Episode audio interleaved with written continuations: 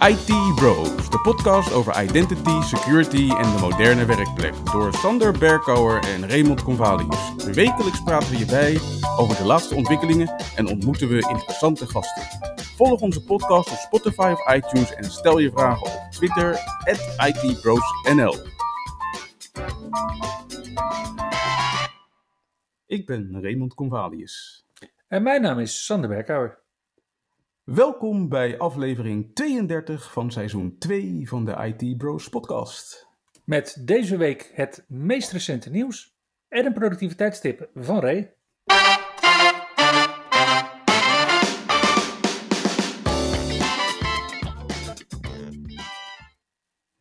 Mocht je deze week niet geïnteresseerd zijn in Windows nieuws, dan kun je de komende drie minuten overslaan. Ja, inderdaad, want het is weer tijd voor Windows 11 nieuws over de afgelopen week. Nou, we zijn eh, weer flink getrakteerd op een aantal releases als het gaat over Windows 11. Mhm. Want eh, op het moment dat de vorige podcast uitkwam, bracht Microsoft een update uit over de beeld waar wij het vorige week over hadden, namelijk beeld 25174 in het eh, Dev Channel. Ja, richting Windows VNext. Inderdaad. En die kregen een update in de vorm van beeldnummer 25174.1010. En dat hebben ze de afgelopen weken al vaker gedaan. Dan brengen ze zo'n update uit met niks nieuws. Voor het testen van de servicing pipeline. Deze week kwam daar een echte nieuwe beeld overheen, namelijk beeldnummer 25179.1000. En die kwam op 10 augustus uit, ook in de Dev Channel. En daar hebben ze de Spelling Dictionary in geïntroduceerd. En dat is een woordenlijst die je dus kan aanmaken tijdens het typen. Die Mhm. je dan vervolgens kan meenemen naar je andere machines. Op dit moment wordt die eh, Spelling Dictionary alleen nog ondersteund met je Microsoft-account. Oké. Maar in de toekomst wordt die ook ondersteund voor je Work or School-account. En er zijn nog wel wat meer functionaliteiten in Windows die Microsoft account only zijn. Nou, vroeger hadden we natuurlijk de Windows Store, dat was helemaal aan het begin. Mhm. eh, met de Windows Store was het ook alleen maar Microsoft accounts. En dan ging je werkplekken uitrollen en dan gingen mensen ook nog eens een Microsoft account maken zodat ze de Windows Store konden gebruiken. Wat een fijne, fijne herinneringen zijn dat. Dankjewel. maar er zijn nog wel wat andere dingen. Bijvoorbeeld een backup maken van je Authenticator app is bijvoorbeeld ook nog steeds Microsoft account only. Helemaal waar, ja. Maar goed, het lijkt dus dat dat Microsoft-account een soort van beta-channel is voor eh, work- or school-accounts, als je het zo bekijkt. Oh, maar dat, ja, en dat was het natuurlijk ook bij passwordless. De Microsoft accounts waren de eerste accounts waarmee je passwordless kon aanmelden. Ja. Nou ja, wat er verder nog in die beeld 25179 zit, is dat nu de File Explorer tabs er voor iedereen zijn. Of zouden moeten zijn. Of zouden moeten zijn. In ieder geval, ik heb ze al een tijdje. Volgens mij heb ik ze voor mezelf geforceerd op een gegeven moment met die hack. Ja, Als het goed is, kan je er dus nu in het Dev Channel gewoon meespelen. Althans, kan iedereen er meespelen. In het Beta Channel zie je hem trouwens ook al regelmatig terug. En het Beta Channel heeft ook een update gekregen, namelijk beeldnummers 22.621.575 en 22.622.575 zijn op 10 augustus uitgekomen in het Beta Channel. En die hebben onder andere ook weer voor die File Explorer eh, wat nieuwe functionaliteit gekregen. Namelijk als je nu met je middelste muisknop klikt op een folder, dan opent die folder in een nieuw tabblad van je File Explorer. Hm. Wel zo handig. Daarnaast zijn er eh, diverse dingetjes weer gefixt. Ik denk in de aanloop naar de 22H2 release die we binnenkort zullen zien. de GA. Yep. Ja. En ondertussen zijn er nog wel een paar known issues die ze moeten oplossen. Dus eh, wees je daar wel van bewust. Onder andere als je regelmatig werkt met de SQL Server Management Studio. Moet je er rekening mee houden dat hij het misschien niet doet in het beta channel.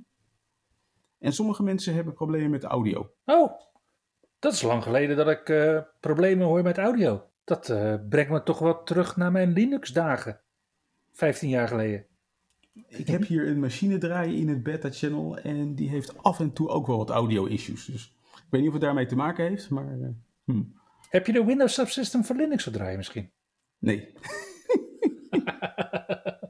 Dan was er afgelopen week ook wat nieuws op het gebied van Edge. Namelijk Edge 104 is inmiddels uit. Ja. En die heeft zowaar een nieuwe feature.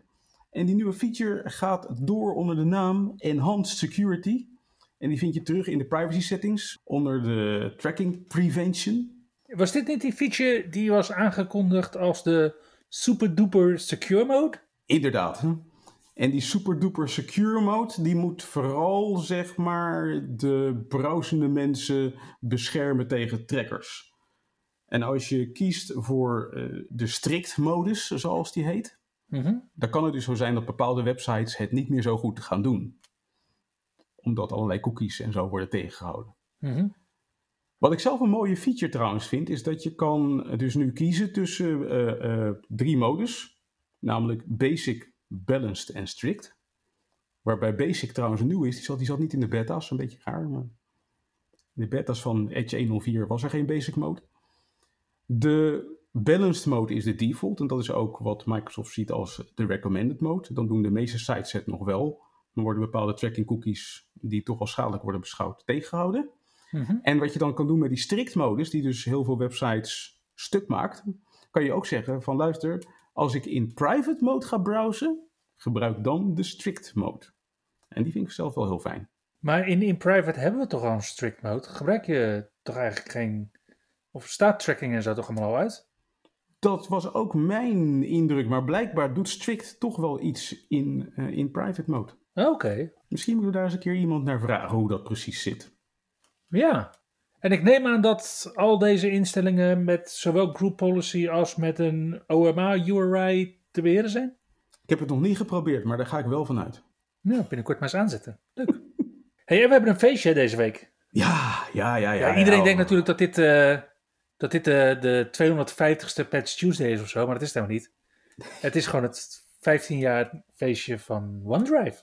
Ja, ja, ja, wat ooit begon als SkyDrive mm -hmm. en later OneDrive werd. En ooit nog eens integreerde met een tool die Microsoft aankocht onder de naam Groove.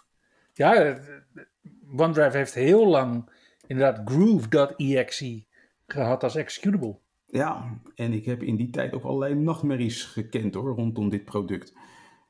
Maar inmiddels is het een, een betrouwbare partner geworden als het gaat om het uh, opslaan van je bestanden in de cloud. Althans, voor mij wel.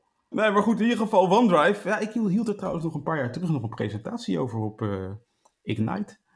Kent inmiddels wel een aantal leuke nieuwe, nou ja, toen nieuwe features. Zoals uh, Files on Demand dat erbij is gekomen in 2017. Mm -hmm. En toen in 2018 kreeg je de Known Folder Move waarvan de Paarse Broeker later bedachten dat ze het beter PC Folder Backup konden noemen. En in 2019 kreeg je de Personal Fold. Dat is trouwens ook weer zo'n feature hè, die er alleen voor de Microsoft account is. is. alleen Microsoft account only op dit moment. Ja, en gelimiteerd ja. tot, uh, tenminste, zonder dat je een premium abonnement uh, neemt natuurlijk op OneDrive, tot drie bestanden. Ja. Ja. Drie hele grote zip bestanden. Ja. ja, die personal vault, dat is eigenlijk een step-up security in de cloud. Ja, step-up authentication. Yep. Mooie functionaliteit. En uh, Microsoft heeft wel een soort van persbericht toen uitgaan natuurlijk met het 15-jarig bestaan. En ze geven aan dat het aantal gebruikers van OneDrive maandelijks groeit met 240% over de afgelopen vijf jaar. Dus ze zeggen niet het aantal gebruikers wat OneDrive maandelijks gebruikt is 240% gegroeid over vijf jaar. Maar ze zeggen, de afgelopen vijf jaar is elke maand de groei 240% geweest. Zo heb ik het wel gelezen, ja. Nou, geen wonder dat Microsoft zo hard neer inzet op de cloud. Want jeetje, als je dat als beheerder daar telkens capaciteit voor moet bijplaatsen, dan blijf je bezig inderdaad. Ja, 240% inderdaad. elke maand. Mm -hmm. Ja, dat is wel de categorie booming. Dat kan je wel stellen, ja. Nou ja, en goed, en omdat het zo'n booming is, kon natuurlijk een cadeautje niet uitblijven vanuit Microsoft. Dus die hebben een, wat ze noemen, redesigned OneDrive Home Experience aangemaakt. Voor uh, work- en school users. Ah, dus niet voor de Microsoft accounts? Inderdaad. dus voor de work- or school users van OneDrive heb je nu een nieuwe homepagina. Waarop je onder andere je meest recente bestanden uh, meteen in een net overzichtje krijgt waarin je een filter kan toepassen om op bestandstype te filteren voor je laatste gebruikte bestanden. Mm -hmm. En er zit een nieuwe activity kolom in uh, de homepage, waarin je recente edits en commentaren en je ad mentions kan zien van je collega's als je bestanden hebt waarin je samenwerkt in OneDrive.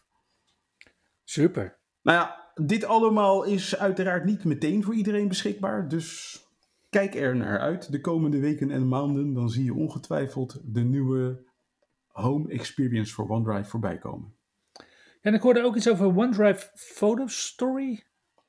Ja, ook wel grappig. Dat is dus ook een stukje nieuwe functionaliteit waarbij ze verhalen creëren rondom je foto's. Blijkbaar Mhm.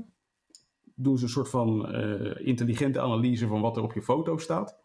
En dan krijg je een fotoverhaal aangeboden. En op dit moment, dat vind ik trouwens wel heel bijzonder, wordt de OneDrive Photo Story getest in Australië. Ja, in Australië is het nu winter. Dus misschien dat ze niet heel veel foto's verwachten. Zou kunnen. Maar goed, in ieder geval eerst in Australië dus. En dan volgen later de United States of America en andere regio's. Ja, ROW, the rest of world. Inderdaad. Maar het is natuurlijk wel interessant dat ze dit inderdaad eerst in een andere regio dan de Verenigde Staten uitrollen. Want dat is niet iets wat Microsoft heel vaak doet. Ik heb het nog niet eerder gehoord op deze manier. Hmm.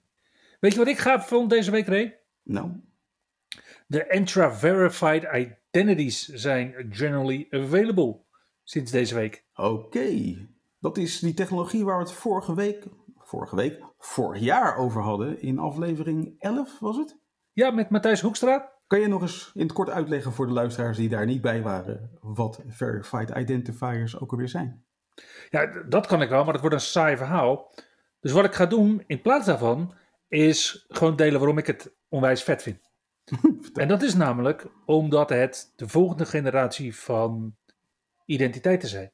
En we komen vanuit een hele ja, gesilode wereld eigenlijk qua identiteiten, waarbij de organisatie bepaalde, binnen de organisatie, wat we met de identiteiten moesten. En als het dan richting andere partijen ging, of richting andere bedrijven, was het allemaal maar moeilijk, moeilijk, moeilijk. Daarna kregen we natuurlijk eh, federatie of gefedereerde identiteiten, waarde- waarmee het veel makkelijker werd om tussen bedrijven aan te melden en daar functionaliteit te gebruiken. En waarbij we ook niet die hele zak met security identifiers uit het Kerberos protocol mee hoefden te zeulen. We, het bedrijf bepaalde welke informatie de partnerorganisatie kreeg. En dat was het. Mhm. En dit is eigenlijk de vervolgstap. En zoals Matthijs ook uitlegt in seizoen 1, aflevering 11, is dat we met deze generatie als werknemers ook veel meer grip krijgen, ook in een zakelijke omgeving. Kijk, privé is het natuurlijk al helemaal te gek dat jij kan aangeven van, goh, ik wil deze en deze en deze informatie aan dit bedrijf aangeven, zodat ik mijn functionaliteit kan gebruiken. Maar zakelijk kun je dus zeggen van, ik accepteer alleen webtoegang bijvoorbeeld tot SharePoint.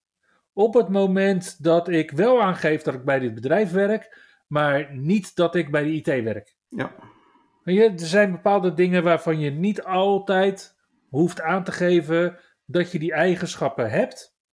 En die keuze krijgen we nu ook steeds meer met verified identities. Ja, ik vind het een hele interessante ontwikkeling. En als jij hier meer over wil weten, John Craddock heeft toevallig afgelopen week eh, nog een gratis webinar hierover gepubliceerd. En we zullen de link hiervan publiceren in de show notes. Nou, tot zover dan het nieuws over Microsoft. en het was iets meer dan 10 minuten volgens mij. nee, het, het, ging maar, het ging maar drie minuten over, over Windows, denk ik. En Ja, verder een oké. kwartier over alle andere dingen natuurlijk. Ja. Maar goed, ook Apple had nog nieuws. Althans, er was nieuws over Apple afgelopen week. Namelijk iOS 16, wat inmiddels al enige tijd in beta is. Daar lekte van de week over uit dat de mensen die met een eh, notch-telefoon werken, dus een iPhone 10, 10S, 11, 12 of 13, in ieder geval de telefoons met een notch, die hebben het de afgelopen jaren moeten doen zonder het batterijpercentage in hun scherm. En dat batterijpercentage keert terug. Eindelijk. Nice. Net zoals ik hem ook op mijn Apple Watch heb. Ja. Ik weet zelf dat ik altijd zit te kijken naar het batterijpercentage wanneer ik de voeding aansluit op mijn telefoon. En het is toch wel heel fijn dat hij nu weer gewoon standaard in beeld verschijnt. Oké, en even voor de insiders. Heb je je Tesla op percentage of kilometer staan? percentage. Ah, Oké, ja. Nee, dacht ik ook. Ja, ik ook. Jeetje, wat lijken we weer veel op elkaar, hè? Ja. En dat is het positieve nieuws van deze week. Kan het dan alleen maar halleluja en de gloria zijn in de IT Bros podcast? Eh, nee, helaas niet. er was ook heel veel informatiebeveiligingsnieuws deze week. Ja. En laat ik beginnen met waar wij vanaf nu ook netjes aan gaan refereren eh, voor de Patch Tuesday. Laat ik beginnen met Microsoft 8b, oftewel de tweede week van maand 8 bij Microsoft qua updates.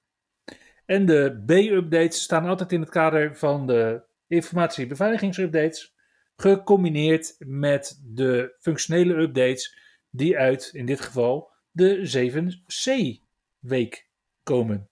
Ja. En wat Microsoft heeft gedaan tijdens 8b is dat ze 121 kwetsbaarheden hebben geadresseerd, waaronder twee zero-day kwetsbaarheden. Er was er één in de Microsoft Diagnostic Toolkit. Die is bekend als Dog Walk. Die wordt ook al actief misbruikt. En er is ook een zero-day kwetsbaarheid in Exchange Server geadresseerd. Daarvan ziet Microsoft nog geen actief misbruik, maar de proof of concept code staat al wel op het internet gepubliceerd. Oké. En hiermee kan een aanvaller ja, specifieke e-mailberichten lezen.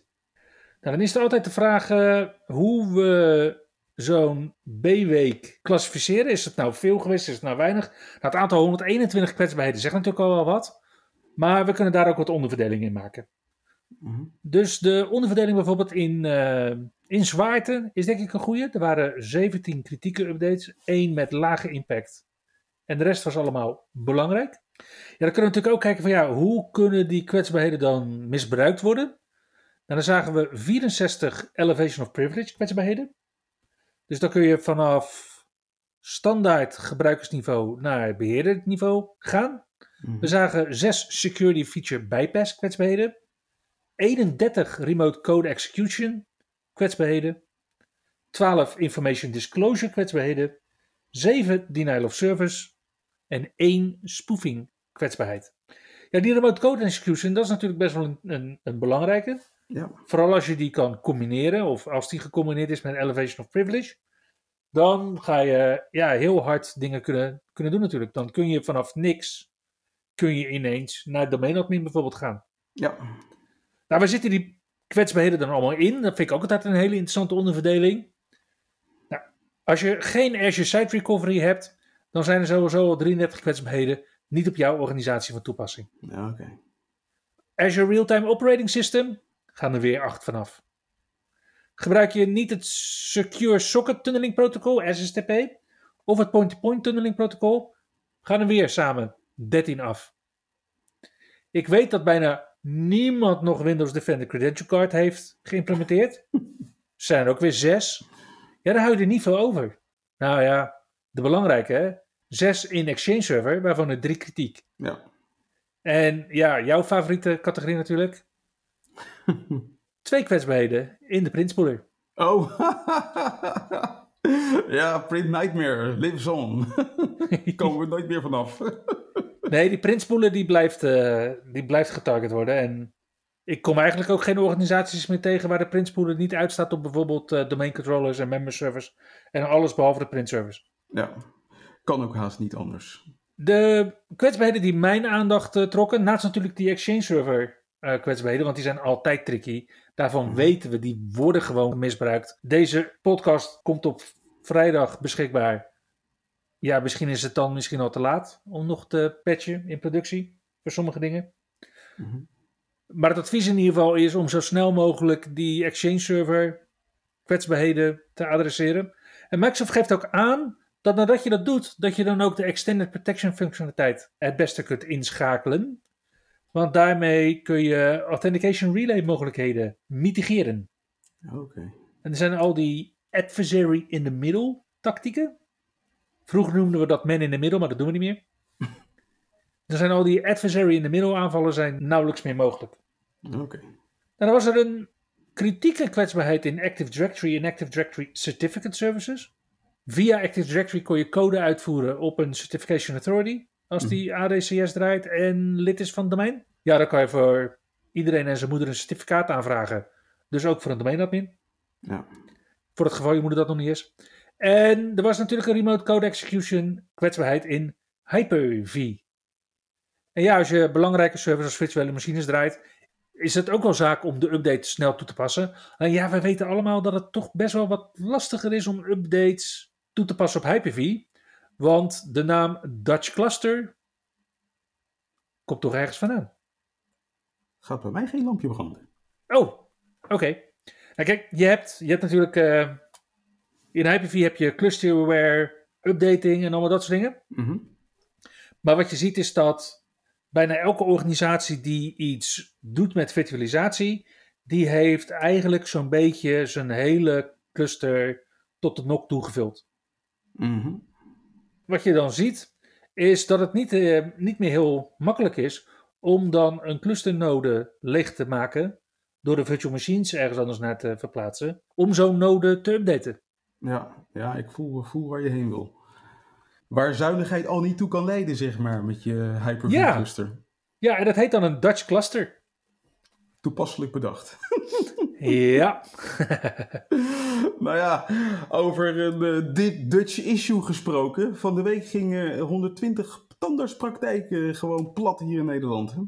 En dat na een eh, grote ransomware aanval op eh, Colosseum Dental. En blijkbaar zat de organisatie zodanig met de handen in het haar dat er inmiddels 2 miljoen euro losgeld is betaald aan de ransomware bende. En als het goed is, komen ze rond de tijd dat deze podcast online is, weer online en gaan ze weer verder met hun werkzaamheden. Nou, deze ransomware-bende, die schijnt gebruik te hebben gemaakt van software van LV. En LV, dat schijnt weer de voortzetting te zijn van de software die in het verleden is gebruikt door de ons wel bekende ransomware-bende R-Evil. En die komen volgens mij, als ik het me goed herinner, uit Rusland. Dat was die bende die in der tijd heel groot onder andere Colonial Pipelines had eh, platgelegd. Mhm. En die toen op van de ene op de andere dag van de aardbodem verdween. Die dus. En die zijn dus eh, mogelijk terug. En die hebben dan toegang tot patiëntgegevens waarschijnlijk ook. Ja, ja, ja die, dat, dat Colosseum Dental, dat, dat schijnt dus ongeveer 600.000 patiënten te bedienen. En het is niet bekend hoeveel van die 600.000 hun gegevens zijn gelekt. Maar eh, het vermoeden bestaat dat dat een aanzienlijk deel daarvan is. Ja, dus mocht jij vorige week een afspraak gecanceld hebben gekregen, nu ineens worden gebeld met een vraag over je vijfvlaksvulling of kroon, lach ze dan uit als een boer met kiespijn en hang de telefoon snel weer op. Ja, nou, kijk, wat natuurlijk gewoon veel vervelender is aan zo'n hack, is dat ehm, een tandarts doet aan medische dienstverlening. En Mhm. medische dienstverleners beschikken over je BSN en alles erop en eraan. Dus goede kans dat eh, ja, je BSN compleet met je geboortedatum en adres nu ergens op straat ligt. ja, dus misschien hoef je je minder druk te maken over je facings, maar meer over de hypotheek op je dakpannen. Ja, dat denk ik ook. In ieder geval, eh, Colosseum Dental heeft aangifte gedaan bij de politie. En het gemeld bij de autoriteit persoonsgegevens als datalek. Auw. Ja, au. En dat zeiden ze ook bij 7-Eleven in Denemarken. Want daar moesten ze alle 175 filialen van hun supermarkt sluiten. Nadat ook zij gehackt waren door een ransomware-bende. Vooralsnog zijn de meeste van die 175 filialen nog gesloten. Mhm. Een handjevol zijn er inmiddels open. En ik heb begrepen dat bij die vestigingen die open zijn gegaan, dat je daar alleen nog maar contant kan betalen. Ja, dat duidt toch wel inderdaad op een back-end probleem. Ja. Vooralsnog is er verder eh, weinig bekend over deze hack, maar eh, bij 7-Eleven zitten ze dus ook met eh, hun handen in het haar. Vorige week hadden we het over kwetsbaarheden in betaalbare Cisco-routers. En het voelt toch af en toe niet helemaal eerlijk eh, dat we het zo vaak over Cisco hebben. Dus deze week hebben we het ook eventjes over Draaitech. Want wat we zien is dat er kritieke kwetsbaarheden zijn in 29 modellen routers van Draaitech. En dit is een eh, dit is zodanig kritieke kwetsbaarheid dat hij een CVSS V3 score heeft van 10 Uit 10. uit de maximale score van 10 Ja. ja. ja, het gaat om een, eh, een, een serieuze kwetsbaarheid. Een, een, een unauthenticated remote code execution over het internet en het LAN. Waarbij er een uh, complete overname van het apparaat mogelijk is. Mhm. En waarbij de hacker vervolgens in staat is om onder andere je DNS-settings te wijzigen, uh, je routers te gaan gebruiken over DDoS-aanvallen, hem als uh, crypto-miner te gaan gebruiken. En hem vervolgens ook kan gebruiken als stepping stone om andere apparaten in jouw netwerk over te nemen.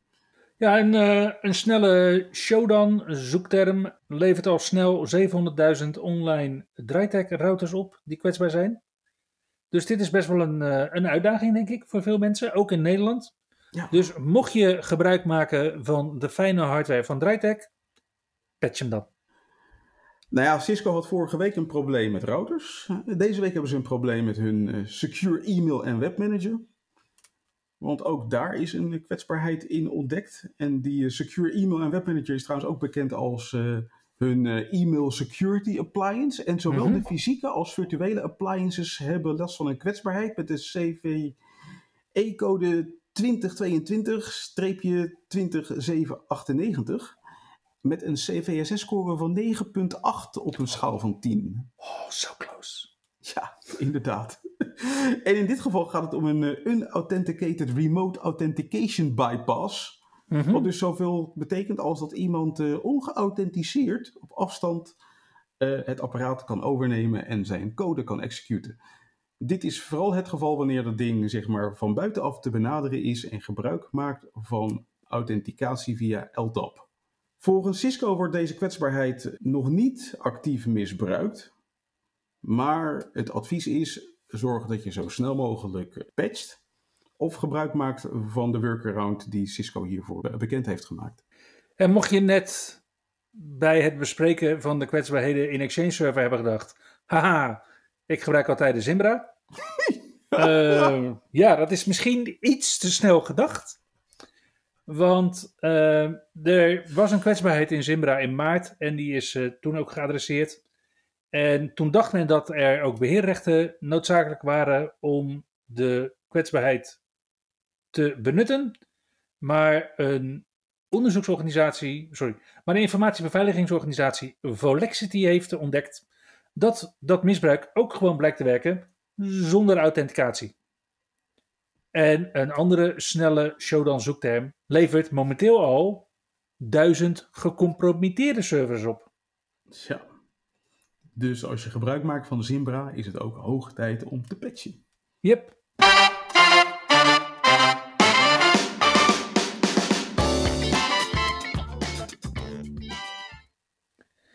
Zonder evenementen waar we slimme dingen kunnen leren, kunnen we het vandaag eigenlijk alleen nog maar over de productiviteitstip hebben, Ray? Ja, dat klopt. En eh, voor de productiviteitstip wilde ik het vanavond eens een keer hebben over de K-emoji. Ik heb het gevoel dat ik iets heel slims ga leren nu. nou, K-emoji, dat zijn van oorsprong de Japanse emoticons of emoji. Mm Je weet wel, die gezichtjes die je kan maken met ASCII-tekens. Alleen bij K-emoji, dan maak je gebruik zeg maar, van uh, meer dan twee of drie tekens. Nu doe je bijvoorbeeld iets met een uh, punt, komma en een haakje. Of een mhm. smiley of een knipoog uh, weer te geven. En bij die K-emoji dan gebruik je soms vier of vijf tekens om bijvoorbeeld een gezichtje weer te geven. En het blijkt dus dat Windows, als je gebruik maakt van die Windows punt combinatie, dus Windows mhm. toets gecombineerd met de punt, dan normaal gesproken dan gebruik ik die zeg maar om de emojis weer te geven. En daar zit dus een knop waarbij je dus ook de K-emojis kan laten zien. En er blijkt echt een indrukwekkende hoeveelheid K-emojis in Windows beschikbaar te zijn. Waarmee je dus allerlei soorten gezichtjes en dingetjes kan laten zien op basis van die uh, ja, K-emojis. Wacht even. Dus jij gebruikt Windows punt om emojis te plakken. Ja. En K-emojis te plakken. Juist. Oké, ja, ik gebruikte het eigenlijk altijd om, uh, ja, vooral omdat ik hem nooit kan vinden. En ook niet uh, in uh, webdings, wingdings en symbol en weet ik wat. om graden Celsius of zo te doen. Omdat hij daar heel snel uit te plakken valt. Klopt. Windows Punt biedt je inderdaad een snelle toegang naar je emojis. Naar gifjes of gifs. Ik weet niet hoe je die dingen eigenlijk moet noemen. We weten het nog steeds niet. Dus ook de symbols. En inmiddels dus hebben we vandaag geleerd ook de K-emojis. En die K-emojis, ja, ik kende ze wel, omdat mijn oudste zoon die reageert regelmatig met zo'n K-emoji, waarbij hij een heel gecompliceerd leuk gezichtje weergeeft met een neus en een mond en zo. En ik Mhm. had geen idee hoe hij dat deed, maar nu eh, heb ik het dus ontrafeld. Daarmee komen we aan het einde van aflevering 32 van seizoen 2 van de IT Bros podcast. Dankjewel voor het luisteren en tot de volgende keer. Tot de volgende keer. Je luisterde naar IT Bros, de wekelijkse podcast over identity, security en de moderne werkplek. Abonneer je op Spotify, iTunes of Google Podcast als je de volgende aflevering niet wilt missen. Heb je hints of tips? Laat dan van je horen op Twitter. @itbrosnl